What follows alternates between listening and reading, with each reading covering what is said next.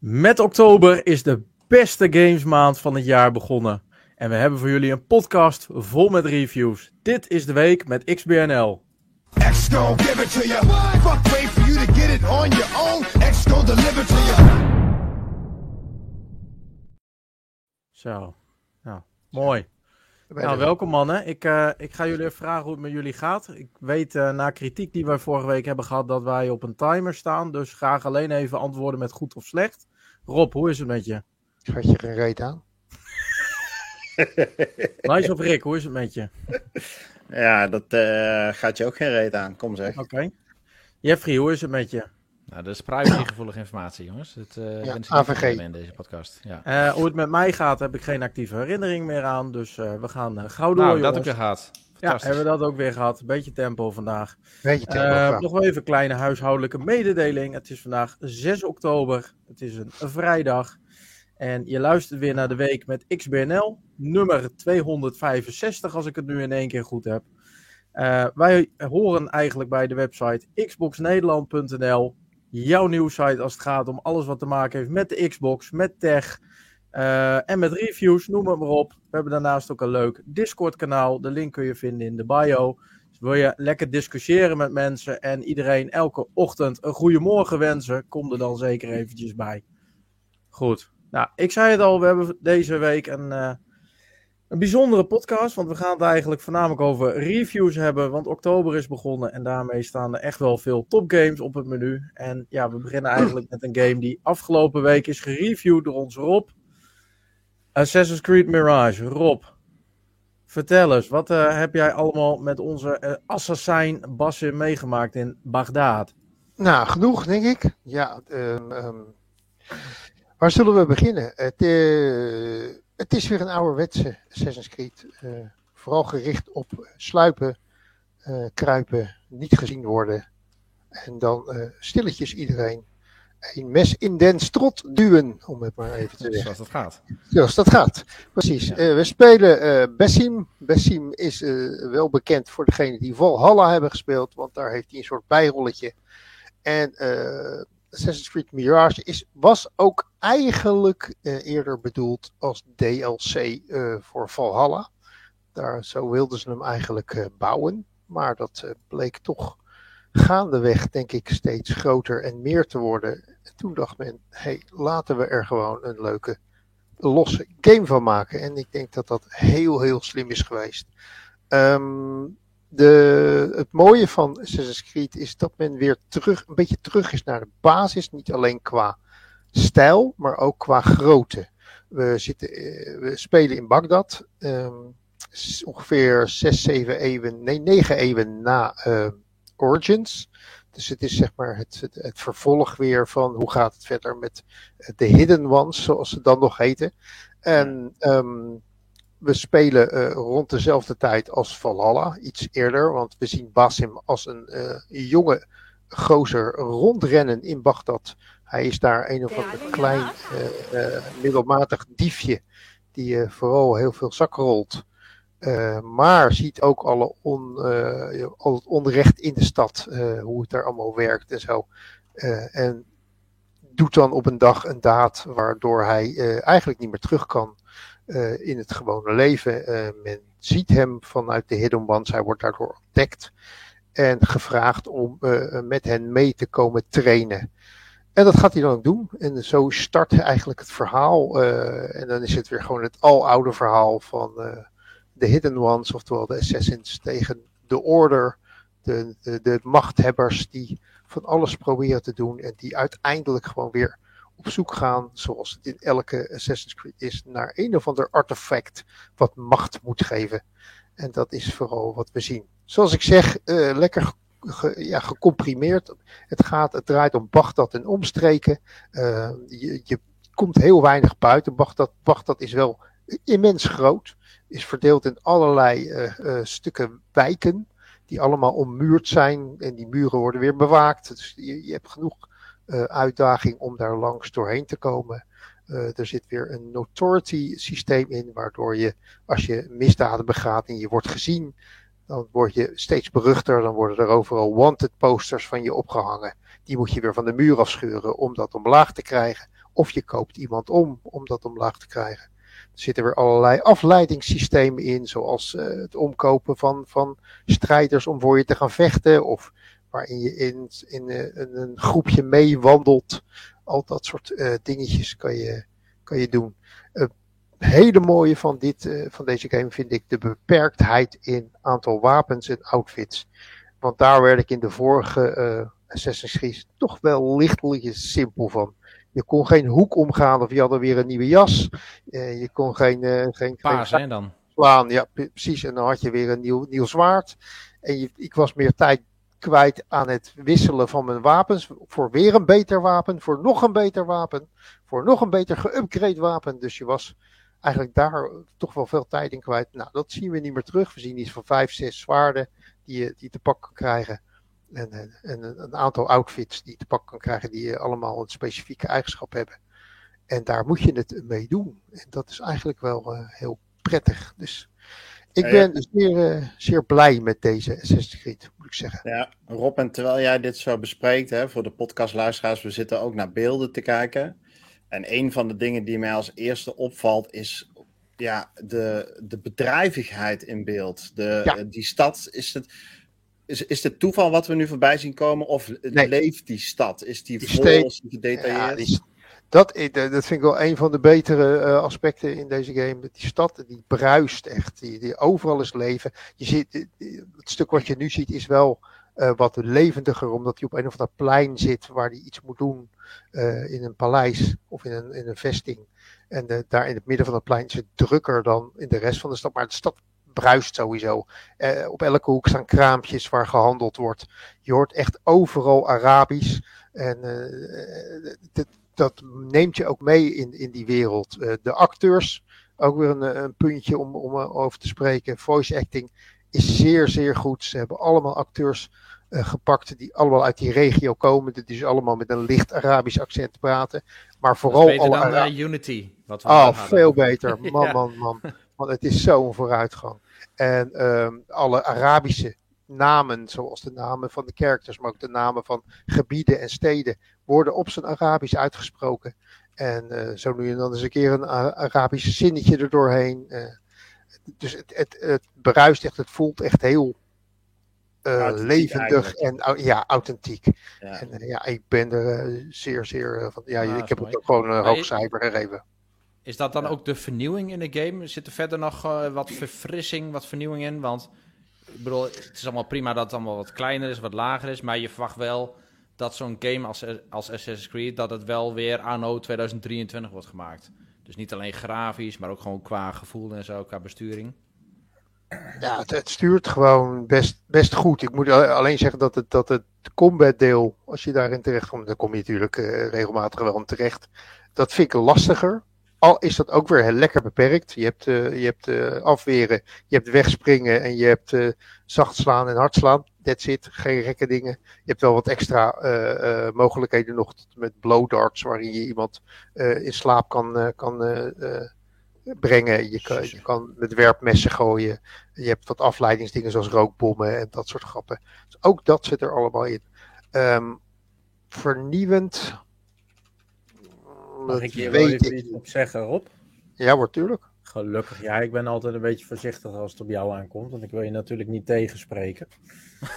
maar uh, ja, daar moet je altijd even mee oppassen. Nee, maar um, ik heb ook al een aantal uur natuurlijk in de game zitten. Um, en ik wil je net zeggen, hè, besturing is... Heb je geen gekke dingen in gezien, los van de combat? Um, ik heb er wel eentje gezien. Ik was benieuwd of jij, jou dat ook is opgevallen. Mm -hmm. Er is iets met het parcours gebeurd. Is dat je opgevallen? Op wat voor manier? Want het enige wat mij opvalt is, en dat vind ik typisch Assassin's Creed, want dat hebben ze eigenlijk in mijn gevoel allemaal gehad, mm -hmm. is dat het soms tegen, tegen dingen opklimmen of van afspringen, dat dat soms niet altijd de juiste richting ingaat. Dus nee. dat, is, dat is altijd ja, maar de vraag. Maar ik, dat is, dat, dat is, is nooit dat anders heb, geweest. Nee, dat heb ik altijd in elke Assassin's Creed is dat je denkt van ik wil die kant op en ineens denkt Passim, nou, ik ga toch even naar rechts. Ja, even lekker op een muurtje hangen dit, dit sluit dus aan waar mijn vraag vandaan komt. Dit sluit er precies op aan, want uh, alle Assassin's Creed, vooral de laatste, hadden eigenlijk altijd een twee knoppen combinatie als het Ja. ging om parcouren. Je kon eh, met A kon je voorzichtig klimmen, waardoor je dus niet zomaar ergens vanaf sprong. En hield je RT daarbij ingedrukt, dan ging je harder rennen. Eh, en dan was het dus ook mogelijk hè, dat op het moment dat hij zijn eerstvolgende jump moment zag op een steen waar je aan hing, dan jumpte hij ook. Ehm, die besturing is er voor het eerst uit. Want het parcouren doe je alleen nog door de A-knop ingedrukt te houden. En eh, ja, ik, ik weet natuurlijk niet hoe jij dat hebt ervaren, Rob. Maar ik vind het ingedrukt houden van een A-knop om te parcou- parcouren in een game. Eh, waarvan ik, eh, nou, ik denk bijna 16 jaar nu iets anders gewend ben. Vind ik wel heel erg vervelend. Ja, ik heb er niet zoveel last van, moet ik zeggen. Het, het, Is dat, het- het- het was daar altijd zo, dat je die knop in moest houden? Of heb Ja, ik? Ja. Ja, maar je deed het mij voorheen deed het met eh, A, deed het gewoon ingedrukt als je gewoon veilig wilde klimmen. Hm. En RT was juist om extra snel te klimmen. Dat was een soort van boost die er achteraan zat, zeg maar. Ehm, en daarmee ging je dus ook iets meer roekeloos springen. Dus dat wilde zeggen, als hij een jump point zag, of bijvoorbeeld een leap of fade point, dan sprong die ook als je die RT-knop ingedrukt had. Ehm, die combinatie, ik weet niet waarom, maar die is eruit. En ehm, ik weet niet wat het is, maar ik vond dat altijd een hele fijne combinatie. Omdat ik dan kon kiezen tussen, hey, op wat voor manier ga ik klimmen? Ga ik voorzichtig klimmen of ga ik een beetje roekeloos klimmen, waarbij ik weet dat ik direct automatisch een leap of fade of een jump point kan pakken? Eh, en ja, ik, ik snap niet helemaal waarom die eruit is. En ik, ik vind dat heel onnatuurlijk voelen bij een Assassin's Creed game om alleen de A-knop ingedrukt te houden. Oké. ja. Hey, en eh, het, het Animus verhaal, jongens, is dat nog... eh, want is- ja, ik vond dat wel Hey. juist... Ik hoorde iedereen erover dat dat zo crap was aan de Assassin's Creed. Ik vond dat altijd wel de meest intrigerende delen. Want dat is hoe het verleden dan gelinkt is met het verleden.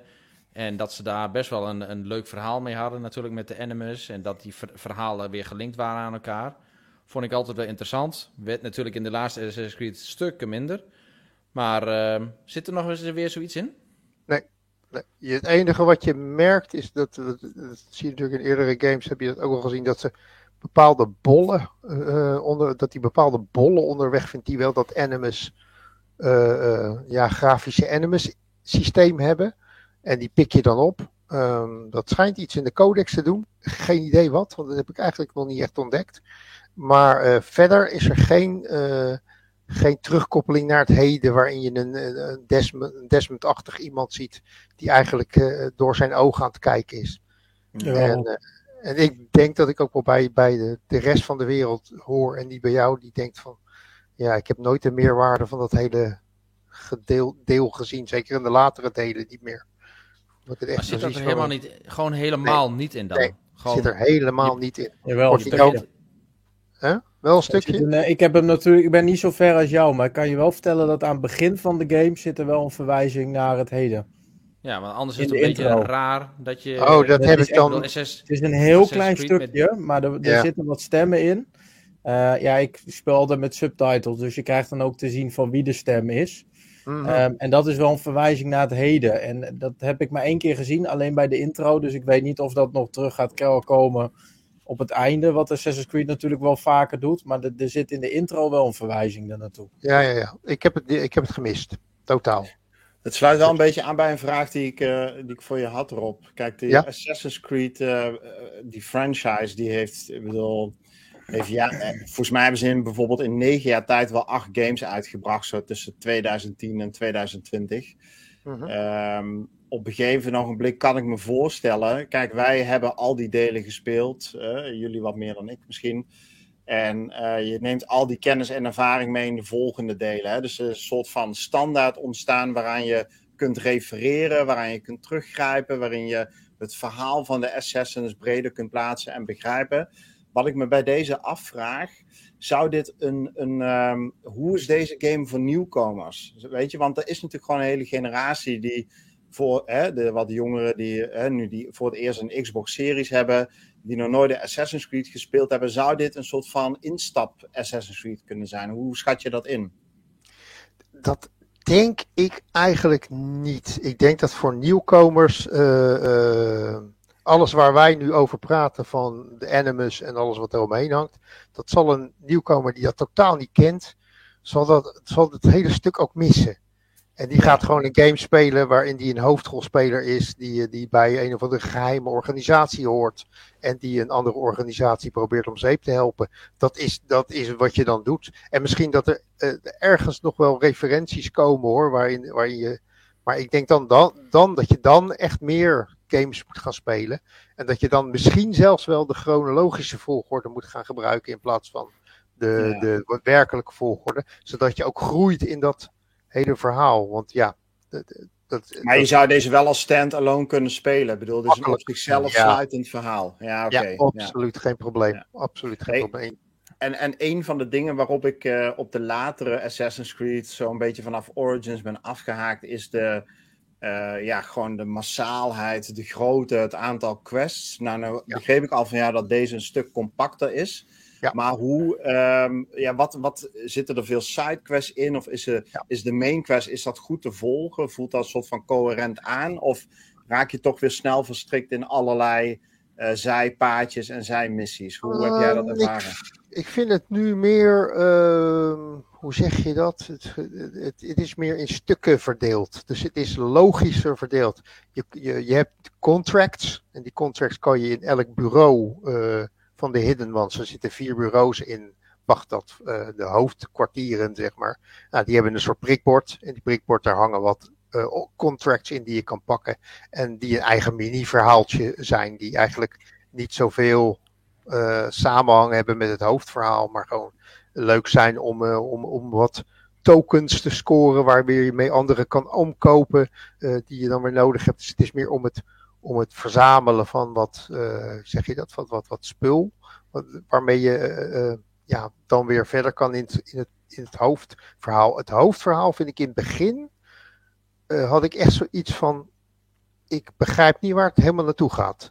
Want uh, je speelt het verhaal en dan uh, het, het, verhaal draait om uh, een soort van investigations, waarin je iedere keer aanwijzingen moet proberen te vinden. Je doet een missie, krijg je aanwijzingen om zo uit te vinden waar het, je hoofddoel zich bevindt. Wie dat is en waar die zich bevindt.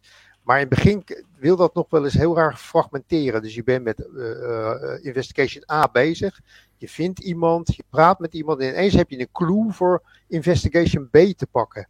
En dat, oh, okay. dat is dan, dan denk je ineens van oké, okay, welke kant gaan we op? En die kan je dan ook weer markeren als, oh joh, ik ga daar meer uh, onderzoek in doen.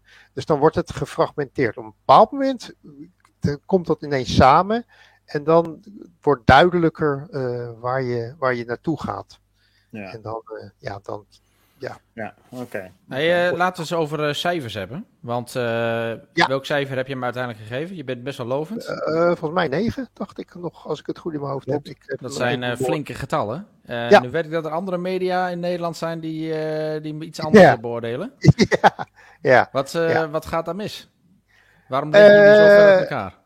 Uh, um, uh, hoe zou ik het zeggen? Ik, ik, wil niet zeggen dat ik representatief ben voor, voor de gemiddelde speler. Want ik lees ook mensen die er helemaal geen reet aan vinden. En het allemaal weer repetitief vinden. Wat ik een, eigenlijk, ik vind het altijd een lul argument. Want noem mij één game die niet repetitief is. Als je hem kan vinden, wil ik graag de titel horen. Want ik ben er nog nooit één tegengekomen. Ze doen allemaal, ze doen allemaal een trucje wat je constant aan het herhalen bent. En uh, dat ja. zit in elke game verwezen.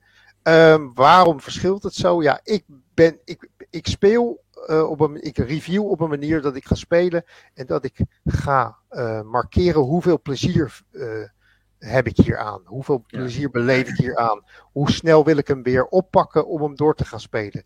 Je kent het wel, je gaat een game spelen. Nou, als die een beetje leuk is, dan denk je, oh, nou leuk. Ik ga na een uurtje, leg ik hem weg. En dan uh, komt hij over twee dagen, ga ik wel weer een keertje kijken. Lies of P bijvoorbeeld, nou die speel ik. Dan doe ik twee uh, levels en dan denk ik nou, nou ja, oké, okay, over drie dagen ga ik wel weer een keertje kijken. Deze wilde ik iedere keer wel terugpakken. Want ik wilde iedere keer wel verder in die stad kijken. Uh, daar markeer ik hem op en daar bestaat mijn 9 ook uit. Ik heb hier gewoon heel veel lol in. Ik vind het een leuke game. Uh, waarom een ander een 5 daaraan geeft, nou dan ga ik kijken wat de reden dan is achter die 5. En dan krijg ik slechte voice acting. Dan denk ik van, nou, misschien eh, eh, moet je eens mee gaan doen aan die reclame van, eh, van, nou, vriend, ik zou toch eens naar de gehoorspecialist gaan. Want als je dit slechte voice acting vindt, dan heb je in mijn ogen geen verstand van zaken. Dan weet, snap je echt niet waar je over lult. Eh, iemand die hem ver- vergeleek met Spider-Man 2. Sorry hoor. ja. In welk, in welk universum leef jij, jongen? Spider-Man Ja. 2 ver- vergelijken met Assassin's Creed. Ja, want ze springen ook allebei, tuurlijk. Ze klimmen ook allebei tegen muren op, tuurlijk. Ja. Echt Helder, onlogische vergelijkingen. Weet je, ik, ik kan leven met mensen die zeggen van ja, ik vind gemiddeld een 7,5 en 8. Dat snap ik. Ik ben iets meer fanboy. Ik zit er iets meer in. Ik geniet hier veel meer van.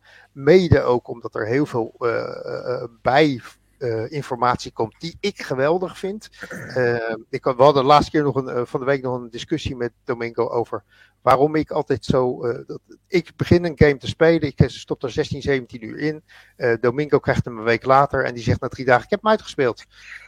Oké. Pff, waar ga- Ja, waar Jeffrey weet, Jeffrey, waar weet waarom, want dan mag ik weer een nieuwe game kopen. Ja, ja, ja. Waar ga, ik, waar ga ik verkeerd, denk ik dan? Maar goed, we hebben het van de week erover gehad. Het verschil is dat hij het main verhaal door, door, doorspeelt. Ja, ik, zeg- er zijn eigenlijk twee opties. Of hij is heel goed in time management, of hij skipt gewoon alles. Ja, ik ben nou ja, heel goed in time maar ja hij, management. hij doet heel veel dingen niet die ik wel doe. Waar verkwist ik bijvoorbeeld een uur, anderhalf uur tijd mee? Ik loop door die stad heen, ik hoor overal om me heen Arabisch. Ik ga na een dag eh, of twee dagen spelen denken, waar hebben die mensen het allemaal over? Ik ga mijn Google-telefoon pakken, ik ga mijn Google Translate aangooien en ik ga al die gesprekken ga ik afluisteren met mijn koptelefoon erbij. Om maar te kijken, wat zeggen die mensen nou? Nou, dan ben ik twee uur verder. Ja, precies. Ja, en zo, de- zo Dat is het dus mijn- lang. Mijn En dan en die vraagt hij zich af of hij representatief is hè, voor de gemiddelde gamer. Ja. Dus dat is, daar zit mijn probleem in. Ik lees alles, ik lees al die boeken, ik lees al die lore, ik wil de geschiedenis weten, enzovoort. Ja. Dus. Ja. Maar ik, eh, Nee, ja, ik vind de 9 en waar het in zit dat anderen me een 5 geven. Ja, I don't know. ja, maar de cijfers gaan alle kanten uit. Hè. Er zijn Ja. ook, eh, ook platformen gelezen die een 9,5 gegeven hebben.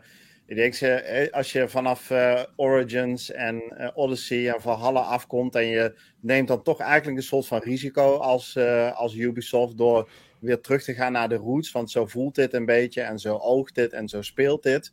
Ja. Ja, dan heb je mensen die dat helemaal niks vinden. En je hebt mensen die zo invested zijn, hè, al een, meer dan een decennium lang zoals jij, die dit fantastisch vinden. En dat Ja. snap ik wel. Dus ik, ik snap wel, ja, je ziet het nu ook in beeld. Hè, het gaat echt van vijf, zes Alle tot kanten, aan ja. waarschijnlijk tien. Ah, als ik vind het nog een meevallen hoor, want het, dit gaat echt van een 9 tot en met een 6. Ja. En niks En mijn, eh, Ja, dan heb je eh, natuurlijk alleen de Xbox-cijfers, hè? Want je hebt ook Precies. nog de PlayStation-cijfers en de PC-cijfers. En die gaan ook ja, ja, kanten maar wij, we, we zijn hier een, een Xbox-platform, dus eh, Oh, sorry. en dat- één, één, één belangrijk aspect wat ik altijd meeneem, de prijs. Wat kost die Ja. game? Is het een, is het een topgame die je, waar je eh, 79 euro of zo voor neerlegt? Of is het een game zoals deze, die volgens mij gemiddeld voor zo'n 4 tientjes, 45 Ja, euro. 44 te koop is? euro. De 44 base game. euro te koop eh, is. ja, Voor ja. een game van 44 euro vind ik dit gewoon een 9. Daar, kan- Ja, daar, daar precies. kan je geen bijl aan vallen. Het is gewoon een leuke game te spelen. Je 20 uur want als die 70 euro was, dan had je hem wel eh, een punt Ja, dan, ga, dan, ja, ja, dat kun je ook niet maken. af. Dan ga je er een punt af. Want dan is het een te grote prijs voor een spel Ja. zoals dit. Ja. Ja, heel Ja, goed. want eh, misschien eh, in ieder geval vanuit mijn kant een laatste vraag. Rob, eh urenomvang, 20 uur en dan heb je hem uitgespeeld? Een momentje hoor. Ehm, ze gaan mij ineens bellen. Dan moet mij niet bellen. Ehm, eh, ja. Ik, ik, ik, ik, ik vind het lastig om te bepalen. Ik heb er nu al 20 uur in zitten. Ik heb het gevoel dat ik nu ergens. Nee, meer dan 20 uur. Ik denk dat ik naar de, naar de 30 uur toe loop. Eh, ik ben er nog volop in bezig. En ik ben nog niet klaar. Maar ik denk dat mensen hem in zo'n 30 uur. Als je een beetje goed doorspeelt, zo'n 30 uur kan uitspelen. Ja, Vermoed ik. nou. Dat is eh, een mooie prijs, joh. 20 uur, 30 uur en dan voor 44 euro. Compleet Ja. verhaal. Mooie wereld. Prima. Wat Picnic Domingo zegt, vind ik wel een goede deal. Ik ga voor 20. Ja. Nou, en ik, ik kan die in principe in één dag weer een nieuwe game kopen. Ja, in principe wel. Maar dit weekend heb ik daar nog even geen tijd voor. Dus. Tenzij je natuurlijk een bank overvallen hebt. Domingo, het bruggetje ligt klaar voor je. Maak er gebruik van. Ja, ja, ja, ja, ja. Ik wilde eigenlijk nog even eh, één, één, één klein dingetje laten zien. Oh, juist. Oké, go for it. Voordat we verder gaan naar eh, bankovervallers. Ja, Want mensen die mij kennen weten dat ik een groot liefhebber ben. Van de serie.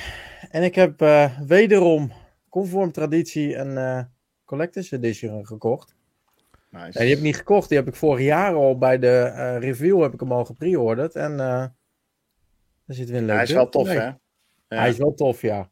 En wat ik heel fijn vind aan deze, ik heb voorheen natuurlijk meer collectors editions gehad. Die moet je allemaal zelf in elkaar bouwen. Maar dit is gewoon één geheel. En als je iemand bent met katten die het wel eens leuk vinden om aan die dingen te snuffelen en dingen om te gooien, dan is dat wel eh, fijn om zoiets te hebben. Ja, nice. Mooie statue. En zat er nog een steelcase bij? Er zat een steelcase bij, eh, een artbook. Eh, de Ja. soundtrack zat erbij. Eh, Er zat nog een eh, soort van speltje bij. Dat is het speltje wat Basim op zijn eigen sjaal heeft eh, als hij verkleed is. Als, als- Kan je zien op de statue, hoor. Wat zeg je? Op de statue kan je hem zien. Dat is wel een goede. Ah, Ja. Aan de voorkant. dingetje? Deze? Ja, dat, ding wat, ja, dat groene dingetje wat aan de voorkant zit. Moet dicht- ah, ja, dingetje? Ah, ja. Ja, dat is hem. Die Ja. krijg Die je er los bij. Ja. Als een soort speldje. Ja. Dus, eh, en dat die vraag, zat er ook een disc bij, eh, Domingo? Ja, Gewoon de game op disc. Ah, Oké, ja. Ja, Maar ja, wat krijg je dan als je in een huishouden zit? Dan krijg je een boze vrouw van, "Ja, ik wil ook spelen. Ja, ik heb maar even nadeel. Ubisoft Plus aangeschaft. eh, om te zorgen dat ook zij hem lekker kan spelen. Nice. Dus, Mooi man. Absoluut. Ik kan me voorstellen dat je voor zo'n collectors editie heel veel geld nodig hebt. En dat je je dan kunt afvragen hoe kom je aan dat geld. Ja. Ja, kan ik je wel Ja, je- vertellen. Dit is nog gepreorderd in een tijd dat eh, je nog eh, Ubisoft credits mocht inzetten voor 20% korting. Maar waarschijnlijk deden Rob en ik dat te vaak. En dan Ubisoft, nee, dat kost ons Eh, dat doen we niet meer. eh, afschaffen, die handel. Wat zal de prijs ongeveer geweest zijn? 100? 120 of zo? toch? Hij was 10 officieel 120? 150 of zo? 150 was 140? volgens mij. Ja, ja, maar stel dat die 3 ton zou kosten. ja. Ja, hoe ga je dat regelen? Dan verkoop ik gewoon jouw huis. Ja. Ja? Jij bent weer aan de Dan, beurt. Of misschien dat Rob hem een keer nog gaan voorleggen? Dan gaan we, hem, eh, dan gaan we denk ik jouw bioscoop eh, ombouwen. En dan gaan we er kassa voor zetten. En dan gaan we daar ons Ja, geld dat mee goeie. Ja, nou, over goeie. kassa's gesproken. Ik heb er een aangeschaft. Nee, nee, nee, niet. Echt vijf bruggen achter elkaar om een linkje naar PD te leggen, jongens. Kom op. Oh, ja, oké. Ja. Hey, Ja, voordat we daarover gaan hebben, ik heb even een eh, overzichtje gemaakt voor jullie, eh, omdat we best wel wat reviews hebben wie wat mag doen straks. Dus eh, kijk nog even mee. Ja. Maar laten we het al hebben, gaan hebben over PD3, jongens. En eh volgens mij brug, joh, mannen die Domingo. het daarover moeten gaan hebben. Dus eh, Jeffrey, mag ik bij jou beginnen? Ja, ja, zeker mag dat. Eh, wij overvallen. hebben eh lekker PD3 opgepakt de afgelopen weken. En eh, Ja. nou, dat was nog wel een route dat. Dat was wel een, eh, een gedoe om dat fatsoenlijk voor, voor elkaar te krijgen. Ja, Überhaupt om eh, iets op beeld te tonen en om bij, bij elkaar in de game te komen. Maar eh, uiteindelijk is dat gelukt. We hebben, eh, ik denk gisteravond hebben we wel onze meest succesvolle run gehad van PD. En ehm, ja, het is wel, hoe meer ik het speel, hoe meer ik erin raak. Ja. En eh, ja, we hadden het al over, ja, met die review, wat doen we ervoor? Nou, ik zei van ja, als titel, lijkt mij wel leuk om, hij is hard to master, of hard to learn zelfs, maar fun to master. Dus als je er eenmaal in zit, dan, dan, dan is die best wel vermakelijk, is die best wel leuk. Ja. Maar het is wel een investering. Dit. en er is eh, moet één grote disclaimer er natuurlijk ingooien. Dit werkt alleen als je met een groep vrienden dit gaat doen. Ja. Want Ja. met randoms ja, dan moet je niet kan met je dit vergeten. Nee. kan je het vergeten. Het is net als bij Rainbow Six. Met een team waar je lekker met elkaar afspreekt en dingen zegt, joh, jij gaat daarheen, ik zie daar iemand. Dan is het, dan komt hij tot Ja. zijn volle glorie. Maar goed nieuws daarbij weer is, hij zit gratis in de Game Pass. Nee, hij Dat zit niet gratis in de Game Pass, hij zit in de Game Pass. Dus als je Game Pass hebt, dan heb je hem ook. Oké, hey, Ja, maar maar jongens, er- er heeft de ook gewoon luisteraars, mee te maken, kijk, ik dit- zie hier wat hè, dingen allemaal voorbereid worden. Ehm, hoe, hoe gaat zo'n potje in zijn werk en wat is het uiteindelijke doel, even los van het stukje bankovervallen? Hoe ziet zo'n potje eruit? Ja, ik denk als ik nu zeg eh, PD3, dan eh, zeggen die andere heren zeggen No Rest for the Wicked. Dat is gewoon eh, een van de missies in de game. En die hebben we eigenlijk van voor naar achter gedaan. En het voelt heel erg hitmanerig aan, waarin je dus een, eh, ja, een level gewoon helemaal moet kennen. Van voor naar achter. Je moet patronen, looppatronen moet je gaan herkennen. Je moet weten waar de camera's zitten, wat je wel, wat je niet kunt doen, de locaties waar je moet oppassen. En dan moet je hem gaan uitstippelen. En door het te doen en te blijven doen, eh, ja, raak je eigenlijk steeds beter in het uitvoeren van zijn level. totdat je hem eigenlijk helemaal kunt masteren. En daarna ga je door naar een volgende level en dan begint het hele verhaal weer opnieuw. Ja. En dat is ook wat je dus samen moet doen. Dus in de game moet je plannen, maar je moet met je vrienden moet je dat ook even gaan plannen. Want het, ja, kost je wel even wat mankracht en gewoon wat tijd om, uh, om uh, te doen. En, ja, wat, en wat ook gewoon zo tof is, is dat iedere, hè, dus je hebt, um, nou, we, we zijn nu naar een map aan het kijken, die hebben we wel een keer of uh, tien gespeeld. Maar iedere run is weer anders. Hè? Het, de objective blijft hetzelfde. Alleen de wereld in die map, zeg maar, die is aan verandering onderhevig. En dat zit hem in kleine dingen. Bijvoorbeeld camera's die dan net even anders hangen, hè, waardoor je toch weer daar uh, moet aanpassen als je een tweede en nieuwe run gaat doen. Maar ook uh, guards die ineens in andere formaties lopen. Een bankmanager die je moet kidnappen, die niet op plek A is waar die daarvoor was, maar dan nu helemaal ergens anders is aan de andere kant van het gebouw. Waar je dan maar weer opnieuw moet zien te vinden hoe je daar komt. En dat, zeg maar, dat is zo uitdagend en dat is zo'n leuke puzzel. Dus wat, je, wat je gaat krijgen, en daarom is het ook zo belangrijk dat als je hem speelt, spelen met mensen waarmee je kunt communiceren. Dus eh, in de regel komt het neer op, ja, je moet dit gewoon met je vrienden spelen en niet met randoms uh, die geen headset hebben. Want in de praktijk komt het erop neer, oké, Peter, jij gaat uh, bij die voordeur, jij gaat die patronen van de bewaker bekijken. Jeff, jij gaat op zoek naar die keycard. Rob, jij gaat zorgen dat het alarm op bepaalde momenten afgaat. En zo ben je allemaal in die map bezig met hele gerichte taken. En, um, en dat is zo ontzettend satisfying als dat lukt. En het moet ook wel op die manier, want als je het niet doet en je wordt gepakt, dan blijft er maar één alternatief over en dat is guns blazing. En dat red je gewoon niet. Het wordt dan complete chaos merk je ook bij jezelf dan op zo'n moment de adrenaline gaat door je lijf heen. En je weet gewoon, oké, fuck, uh, het kwartier wat we nu geïnvesteerd hebben. Uh, ja, het is helaas. Uh, laten we maar weer opnieuw beginnen. En ik denk op het moment dat even, er valt van alles op te merken over deze game. Gaan we het denk ik ook zo nog wel over hebben. Ja. Maar op het moment dat de game dat weet te creëren, dat je toch op het puntje van je stoel zit. En voortdurend het gevoel hebt, oké, okay, mijn handeling doet ertoe. Want als dit misgaat, ja, dan zijn we screwed. Ja, dat vind ik wel tof. Dat, ja, dat, dat, is, dat is wel een goeie dat je dat zegt. Want de, ja, je, je zit er met z'n vieren in. Maar er hoeft zeg maar één hoeft, hoeft te falen en het hele potje is screwed en je begint opnieuw. Bijvoorbeeld iemand die per ongeluk in de lobby een granaat gooit. Kan gebeuren natuurlijk, zoiets. maar die shit die happened. Hè, Rick? Ja. Ja, ja, nee, dat was echt heel onhandig. Ja, dan... ja hij gooide hem niet, hè? het viel uit je broekzak. Ja, die, je kan... Hij viel gewoon. dat nooit, dat gebeurt eens, ook in je dagelijks leven. Gewoon met je granaat. Ja. een granaat. Ja. Shit, ik wil een appeltje gooien, maar ah. Het bleek een granaat te zijn. Nee, maar, ja, maar dan is het wel even zuur, weet je. En dan, dan heb je toch, hè, dus dan gaat dat alarm af. En dan voelt het echt een beetje als een walk of shame, zeg maar. Want ja, jij bent degene geweest die het heeft lopen te vernachelen. Dus de tweede run ga je dan toch wat voorzichtiger zijn. En dan zit je met toch net iets meer adrenaline dat te spelen. En ik vind dat op het moment dat een game dat lukt, ja, dan uh, ja, er valt genoeg op te merken nogmaals. Maar dan heb je in de basis gewoon een leuke game afgeleverd. En uh, ja, ik, ik vind dat genieten, man. En natuurlijk is het niet tof als je per ongeluk een granaatje gooit. Dan baal je even. Ja, dat klopt. Ja. ja. En je krijgt nog in de chat even een vraag vanuit Evil Terror. Die vraagt hoe vaak jij hebt uh, ge gefaald in het team. Ja, de teller uh, in hand heeft ja. maar vijf vingers, dus uh, daar hield het op, zeg maar, de score. Hij heeft ook een speciaal masker gekregen. ja, het clownsmasker. ja. Oh. Hey, goed. nog even een vraagje voor onze luisteraars. Um, de review van deze game is natuurlijk mede door de server issues van de afgelopen weken nog uh, niet uh, live gegaan. Wanneer uh, kunnen we hem ongeveer verwachten? Ja, precies. Want dat is wel even een, een, een puntje van aandacht natuurlijk met die game. Kijk, het is sowieso niet de, de, beste game van dit jaar. Nee. Um, het, het, ziet er wat gedateerd uit. Gameplay voelt soms ook wat gedateerd. Uh, dus ja, de stealth elementen, het hit, hitman aspect, uh, um, ja, dat gedeelte, dat zit wel redelijk goed. Maar voor de rest is het wel een beetje gedateerd, maar niet storend. Dus ik vind het gewoon leuk genoeg om te blijven doen. Um, natuurlijk was er een mega probleem uh, de afgelopen weken met server issues. Wat echt wel ja, super, uh, super kut was.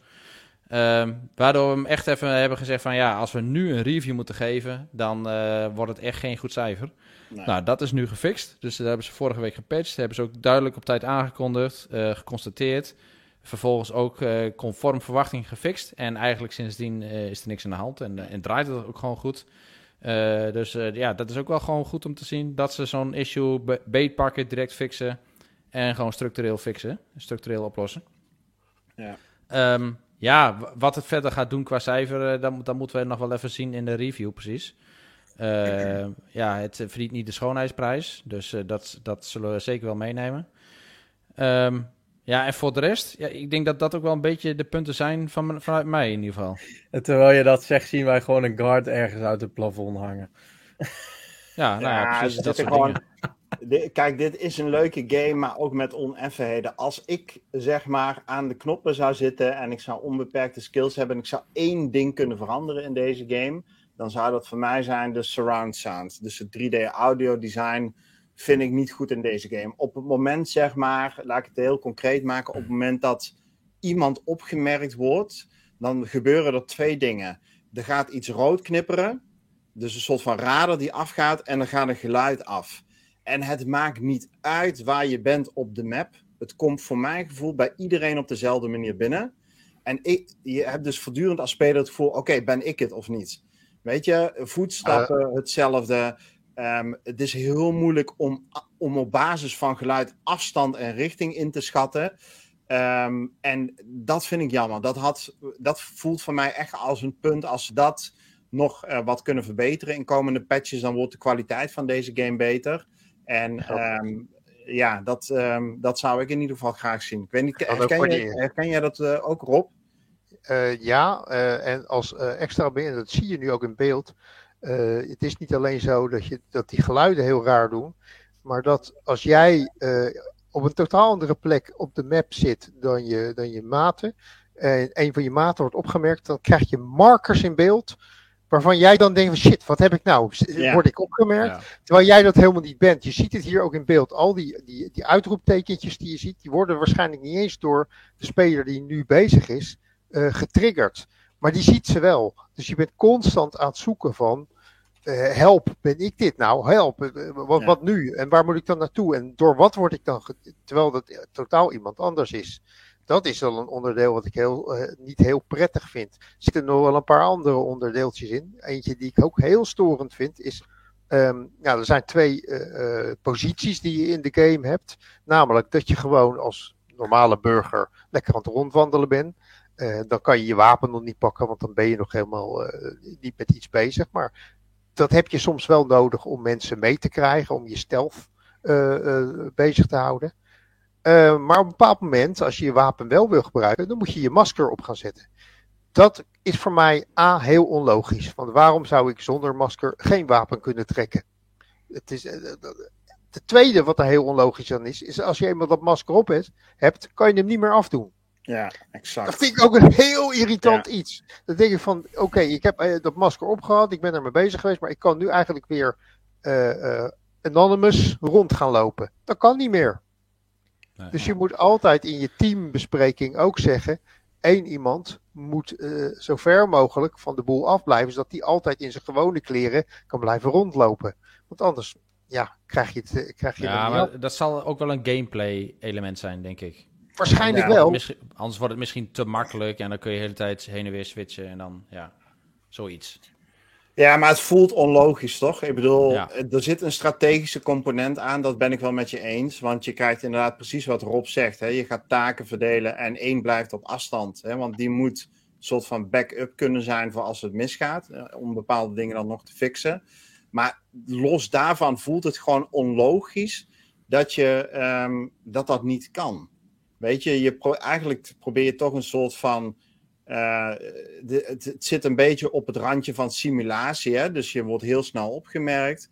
Maar iets simpels als even dan je pistool wegdoen of je outfit veranderen, zoals dat een hitman bijvoorbeeld kan, dat zijn dan dingen die niet kunnen. En dat ik zou dat toch graag anders zien. En, dan, en laat ze dan maar moeilijker maken, weet je. Als dat inderdaad het argument is wat ik me kan voorstellen, dan wordt de game te makkelijk. Voeg dan dingen toe waardoor dat toch moeilijker wordt. Ja. Ja. Ja. Goed. Ja, ik weet niet of we nog meer uh, over uh, PD hebben, uh, mannen. Um... Nee, ja, misschien nog als laatste. Er zitten nog wel een paar storende dingen in hoor. wat we gisteren ook hadden, bijvoorbeeld die ready button die niet werkt. Moet je helemaal een nieuwe lobby opzetten. Daar zit ook altijd vertraging in. Uh, lijkt het alsof mensen offline zijn, terwijl dat niet zo is. Moeten ze hem opnieuw opstarten, de game, terwijl het nergens voor nodig ho hoeft te zijn eigenlijk.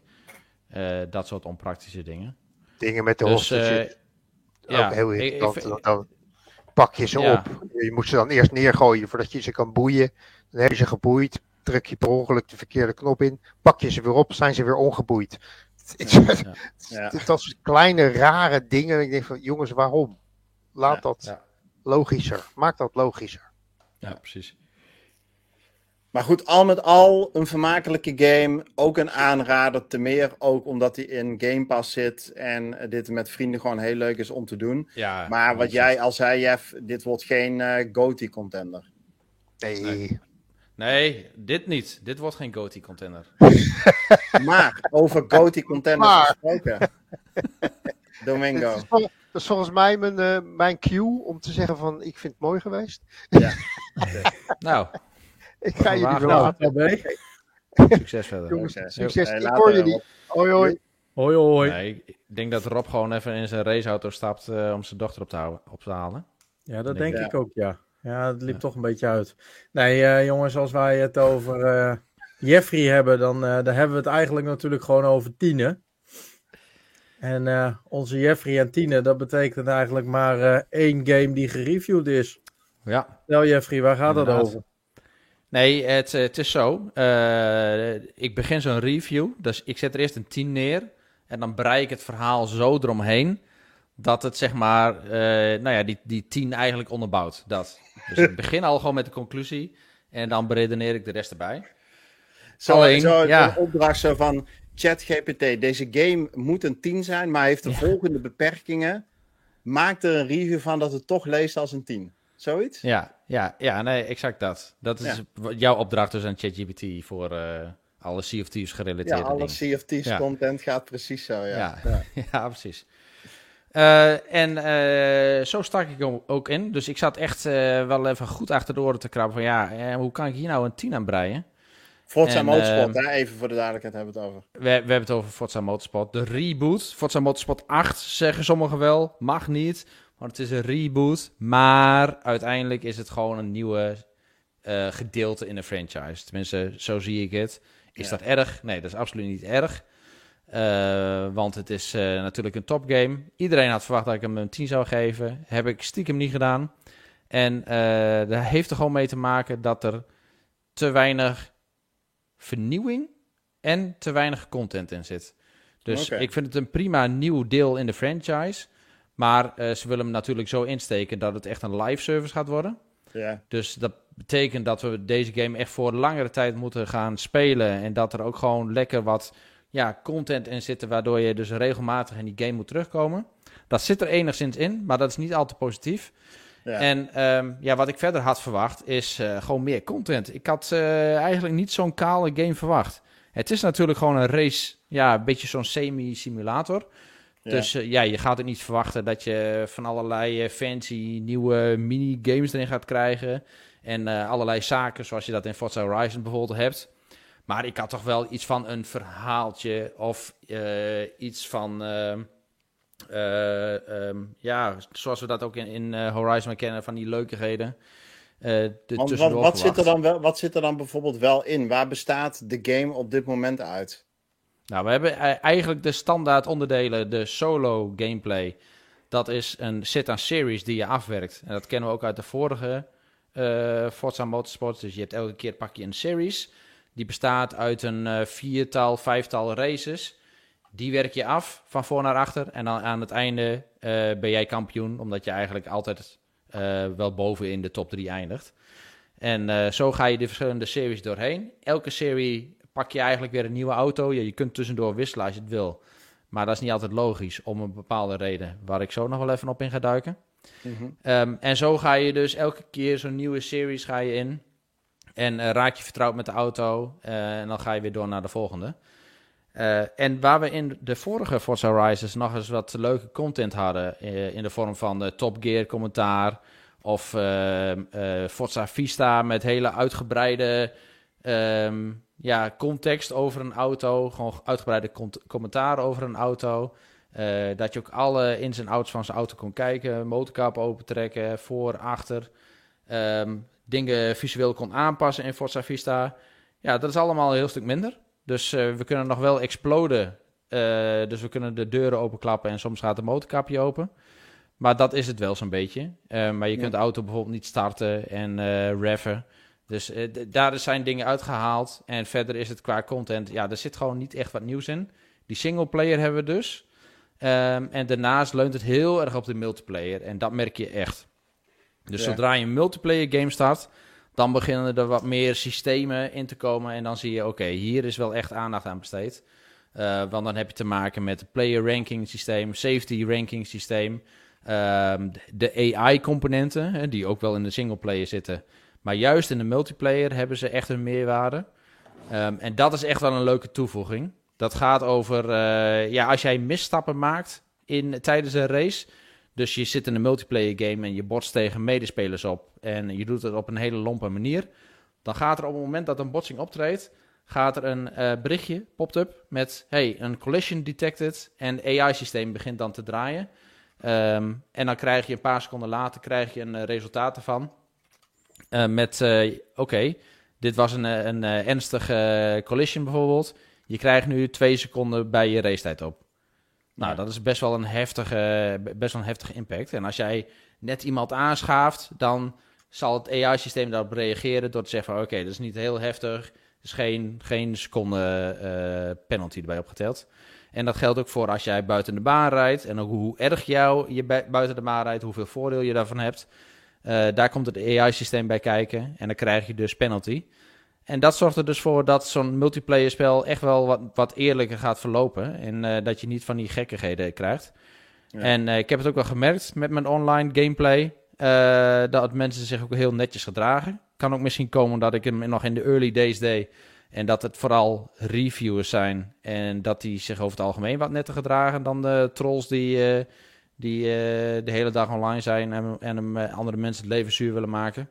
Mhm. Uh, Maar mijn ervaring daarbij is wel heel goed. Maar ja, dat is de content. Dat. Dus je hebt die singleplayer, je hebt die multiplayer en dat is het. Dus en daar hoe moet zit je het mee met de vermaken. community aspect? Eh, eh, zijn er, eh, kun je bijvoorbeeld races zelf maken? Kun je een crew aanmaken? Kun hoe, ehm, eh, wat, wat de rol van de community zeg maar in Forza Motorsport? Een zover je daar nu in ieder geval zicht op gekregen hebt. We moeten nog eh, een crew aanmaken. Maar eh, ja, dat, dat, die zouden we eens even moeten opstarten met elkaar. Dat is trouwens een goede reminder. Dat moeten we nog even doen. En ehm, dan kunnen we lobby's opstarten met elkaar. En het opstarten van een lobby, dat is eigenlijk eh, zo heel makkelijk gepiept. Dus dat is wel echt een groot voordeel in deze game. Eh, want dat is in, in de Formule 1 bijvoorbeeld, is dat echt een dikke drama. Wil je met elkaar spelen, dan ben je gewoon een kwartier, 20 minuten verder voordat je eens een keer in een online game zit. Eh, hier is het, je start een game op, eh, je wordt gematchmaked met elkaar. Ehm, en eh, je, je klikt gewoon een weekend aan en je gaat direct een weekend doen. Dus je begint met een, een, een, een oefening vooraf. En dan krijg je een paar minuten de tijd om de qualifying te doen. Hij zal jou ook notificeren van... hey, je hebt nog zoveel tijd, je moet even de kwalificatie gaan doen. En dan kun je die kwalificatie doen. En dan ga je ook met een countdown ga je ook de race in. En dat werkt best wel soepel. Dus Hm. dat aspect dat is eh, redelijk goed getackeld. Oké. En hoe zit het met de moeilijkheidsgraad? Kunnen noobs zoals ik deze game ook een beetje eh, verteren? Of wordt het dan toch een lastig verhaal? Nou, hij is echt voor iedereen. En dat is wat het leuke aan deze game. Het is echt wel een wat meer casual sim game. Je kunt hem echt heel lastig maken. Maar ik vind hem wel ook beter te besturen. En dat komt ook door de nieuwe physics die erin zit. En de betere grip die je hebt.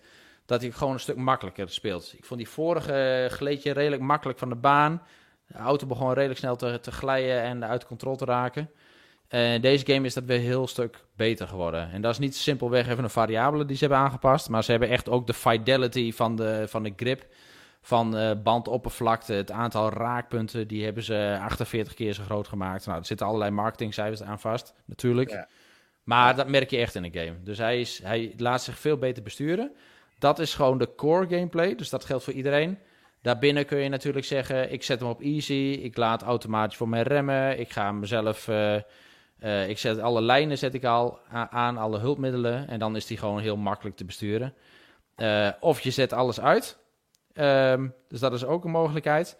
En dan kun je daarnaast kun je zeggen van... ik wil deze moeilijkheidsgraad aan AI-medespelers. Ja, nou, dan, dan, krijg je hem ook wel echt. Dus uh, als je hem op moeilijk, moeilijkheidsgraad 6 of 7 zet... Hè, dan, dan is die echt wel flink pittig. Um, terwijl als die standaard op 0-1 staat... dan rij je iedereen zo voorbij. Ja. En je kunt er wel net zo instellen voor jou. Dus dat is wel fijn. Je stelt hem precies zo in dat je echt wel een, een, een, flink je, je, tanden erin moet zetten de hele, hele race. Uh, ja. Dus je kunt het jezelf wel flink, flink uitdagend maken. Nice. Oh, Mooi man. Is dit een game, uh, Domingo, waarvan uh, valt het een beetje in jouw straatje? Nee, absoluut niet. Dit is wel een game die in het straatje van mijn vrouw valt. En die zal hem ongetwijfeld weer gaan spelen. Dat is een groot Forza-fan. Um, ik denk voordat we deze afronden, want we zitten toch al bijna weer rond de 10 uur en we hebben nog een aantal reviews te bespreken. Um, denk ik dat we de vraag van Martin Spire uh, al uitgebreid behandeld hebben omtrent Forza Motorsport. Misschien nog wel een leuke vraag van Hoeike. Uh, die vraagt namelijk, uh, met betrekking tot Forza Motorsport, rijden jullie vooral met stuur of kiezen jullie toch Old Classic voor de controller? Wat is jullie mening hierin? En dan kijk ik eigenlijk vooral denk ik naar Jeffrey. Ja, je moet natuurlijk met stuur rijden. En daar is hij prima voor geschikt. Ik uh, ben nog zo'n lafaat die met controller rijdt. Gewoon omdat dat, uh, dat, dat ben ik ooit mee gestart. En ik, ik heb nooit overstap gemaakt naar stuur. Dat gaat nog wel een keer komen. Um, maar Forza is gewoon natuurlijk echt een controller game ook. Dus die hebben ze helemaal goed gefine-tuned op de controller. Dus die laat zich echt heel goed besturen op de controller. Ik vind dat super fijn. stuurervaring heb ik zelf niet. Maar uh, van wat ik heb horen zeggen, is dat ook gewoon prima in orde in de game. Mm. Um, maar ja, ik speel met controller en dat is echt meer dan prima. Zorg er ook voor dat je makkelijk het oppakken, eens een keer een rondje kunt doen en dan uh, ja. pak je een andere game op. Ja. Hoe sta jij daarin, Rick? Nee, ja, weet je, ik vind uh, race games leuk voor af en toe tussendoor. En uh, meer die, uh, bijvoorbeeld de crew mode of Fast en Forza Horizon, dat is wel meer in mijn ja, straatje. Um, ik kan best wel wat plezier hebben uit F1, maar ik weet gewoon, weet je, na 20 uur ben ik er klaar mee. En dat zal met Forza Motorsport waarschijnlijk niet anders zijn. En dat speel ik gewoon lekker met controller. Ja. Dus uh, ik vind dat ook te veel gedoe. Ik heb wel een stuurtje, maar ja, dan moet ik weer kijken hoe sluit ik dat aan. En dan moet ik weer door zo'n hele handleiding aan instellingen in de game zelf. Nee, joh, daar heb ik allemaal geen verstand van en ook geen interesse in. Dus uh, met controle werkt voor mij prima. Ja, same bij mij hoor. Precies hetzelfde. Ja. Hey mannen, we hebben nog een paar reviews. Ik uh, stel voor dat we die nog even gauw kort bespreken. Uh, met een stukje samenvatting en het cijfer erbij met de plus- en minpunten. ja. Uh, zodat we een beetje binnen de tijd blijven. Niet weer een, een stream hebben straks van 1 uur en 45 minuten. En Niels in de lucht komt dat het toch echt niet aan hem lag dat het zo lang duurt. Dus we gaan ja, maar dit is, verder. Dit is een mooie manier, Domingo, om mensen een beetje naar onze website te wijzen. Dus dat als ze geïnteresseerd zijn in meer informatie van een review, dat ze gewoon lekker onze website moeten checken. Ja, precies. Zo is het ook. En daar kunnen ze dan nou uiteindelijk ook nog de uitgebreide review checken. Nee, um, ik pak gauw de volgende review uh, door. En dat is uh, uh, eigenlijk ook een kleine review van DLC. Die is van onze eigen Renko. Dat gaat namelijk om de DLC van de remake van Resident Evil 4, genaamd Separate Ways. Uh, die DLC heeft ook een remake gehad, want die, hoort officieel bij de, de officiële game van Resident Evil 4. Hierin uh, speel je in plaats van uh, met Leon Kennedy, speel je met, met Ada. Dat is eigenlijk zijn, zijn tegenhanger. Renko is er best wel enthousiast over, geeft deze in totaal een, een 9. Omdat ja, hij toch wat nieuwe trucjes en andere gameplay elementen langs ziet komen. Omdat uh, Eda onder andere ook een, uh, ja, een soort van zip launcher heeft waarmee ze op andere plekken kan komen. De pluspunten die hij daaraan geeft, dat is uh, toffe campaign en goede verbindingen. Grafisch wederom top. Eda is een gaaf personage met wat nieuwe trucjes en toffe verrassingen voor de oud-gedienden. Uh, daarnaast heeft hij twee min minpuntjes neergezet. En dat is dat de Series S met, bij vlagen moeite heeft met de graphics. En dat de trucjes van Eda hier en daar wel wat uh, gimmicks zijn. maar hij geeft hem toch wel verdiend een dikke 9. En mocht je het nou toch meer hierover willen weten, wat Jeffrey net heel terecht opmerkte, ga dan even naar onze website toe. Rick, als ik het heb over games met een moeilijke naam. Ja, die ik, gereviewd is. Hoe ga jij dit dan uit? Ja, ja gereviewd door onze Eddy. E.K. Xolotol. ik heb geen idee of het goed uitspreek. Beste mensen, het is een charmante roguelike shooter. Check even de website. Uh, Eddie geeft hem een 6,5. Uh, echt een uh, pixelachtige uh, roguelike ervaring met goede controls. Um, geinige shooter met mechanics en wapens die genoeg variatie hebben. Dus dat zijn natuurlijk wel belangrijke punten. Uh, en verder zegt hij ja, als minpunten levels zullen wel wat snel repetitief aanvoelen. En uh, er zit ook een soort van simulatiespel in het spel verwerkt. En daarvan zegt hij ja, dat is a waste of time. Dat past er niet bij. Hij snapt ook niet zo goed waarom dat erin zit. Dus dat zijn de minpunten. Maar al met al zegt hij, ja, best een oké okay game. 6,5 geeft hij hem. Um, wil je er meer over lezen? Of mocht je de beelden die je nu zit, als je de videocast kijkt en je vindt het interessant, check xboxnederland.nl en dan ga je naar het tapje reviews. Daar staat hij onder. Dat was de, hoe heet hij nou? EK Solotol. Ja. Het klinkt eigenlijk gewoon alsof je een of ander medicijn behandelt of zo, maar... Ja, zoiets. Ja. Volgens mij hebben we dan nog eentje over toch, eh, Domingo? En dan Twee. kunnen we door. Twee nog. Twee Uh, zelfs. Want als we het hebben over vaders en dingen vergeven, Jeffrey, over welke game hebben we het dan? Ja, mensen denken al gauw van, eh oh, eh, re- religieuze content, dan moet je bij Jeffrey zijn. Maar eh, ik heb deze niet zelf gereviewd. Deze heeft dema's gedaan. En gezien de graphics is dat ook misschien wel de beste keuze. Desalniettemin geeft hij hem toch een slecht cijfer. Het gaat om de game Forgive Me Father. En eh, dat is een, eh, ook wederom een, een eh, first-person shooter. Of een shooter, dit keer een first-person shooter. Gebaseerd op een Lovecraft-wereld. wat over het algemeen wel een goed teken is. Eh, behalve in deze game. Die game krijgt een 6,5. Dus dat is voor game-standaarden natuurlijk wel een beetje een domper. Is niet per definitie een hele slechte game. Want hij wordt wel aangemerkt als nou, gewoon er mooi uitzien. eh goede gameplay en een goede soundtrack. Alleen hij wordt gewoon geplaagd door heel veel bugs. Eh, dus Dema zegt in zijn review ook: eh, wachten totdat de bugs zijn gefixt. En eh, dan nog eens een keer weer proberen. Dus niet Ja. per definitie een hele slechte game, maar op dit moment geen aanrader. Nee. 6,5. Duidelijk. Duidelijk. Nou, dan hebben wij nog één review eh, over. En eh, ook die is van onze Eddy. En die heeft eh, afgelopen week de review van Paleo Pines eh, eh, aangeleverd. Een game waarin jij de boerderij van jouw opa erft in het dorpje Viridian Valley. En daar ga je samen met jouw Dino Lucky naartoe. Om een soort van eh dino-park te bouwen. En eh nou, Eddy gaf wel aan dat de controller al snel door zijn dochter werd gegijzeld. En dat die ermee aan de slag ging. Maar hij was er desalniettemin niet heel erg eh, tevreden over. De game krijgt namelijk een 6. Omdat de game behoorlijk leeg en eendimensionaal eh aanvoelt. Eh, daardoor blijft hij ook heel weinig boeien. En hij geeft daarbij ook echt aan dat de game zich eigenlijk alleen maar tot de kleinere spelers van rond de 6 tot 12 jaar lijkt te richten. En ja, dat was zijn review. Ja, en dan ook nog zonder, eh, eh, dus ehm, allemaal wel in het Engels met lappen tekst. Dus hij zegt daarover ook van ja, dat is een mismatch. Hè? Dus je richt je op een groep die niet kan lezen of niet zonder meer zeg maar een andere taal beheerst. Maar daar dan vervolgens geen ondersteuning in biedt. Dus ehm, nou goed. Wel jammer hoor, want dit Ja. oogt wel als een leuke game. Weet je, het heeft wel iets cutes. Een beetje My Time at Portia vibes vond ik het hebben. Ja. Ehm, maar goed, ja, pakt het gewoon niet goed uit. Dus dat is jammer. Nee. Ja. Helaas. Ja. Nou man, en daarmee hebben we toch in deze speciale podcast eh, van de week met XBNL eh, weer mooi een uur eh, vol weten te kleppen. Iets meer dan een uur zelfs.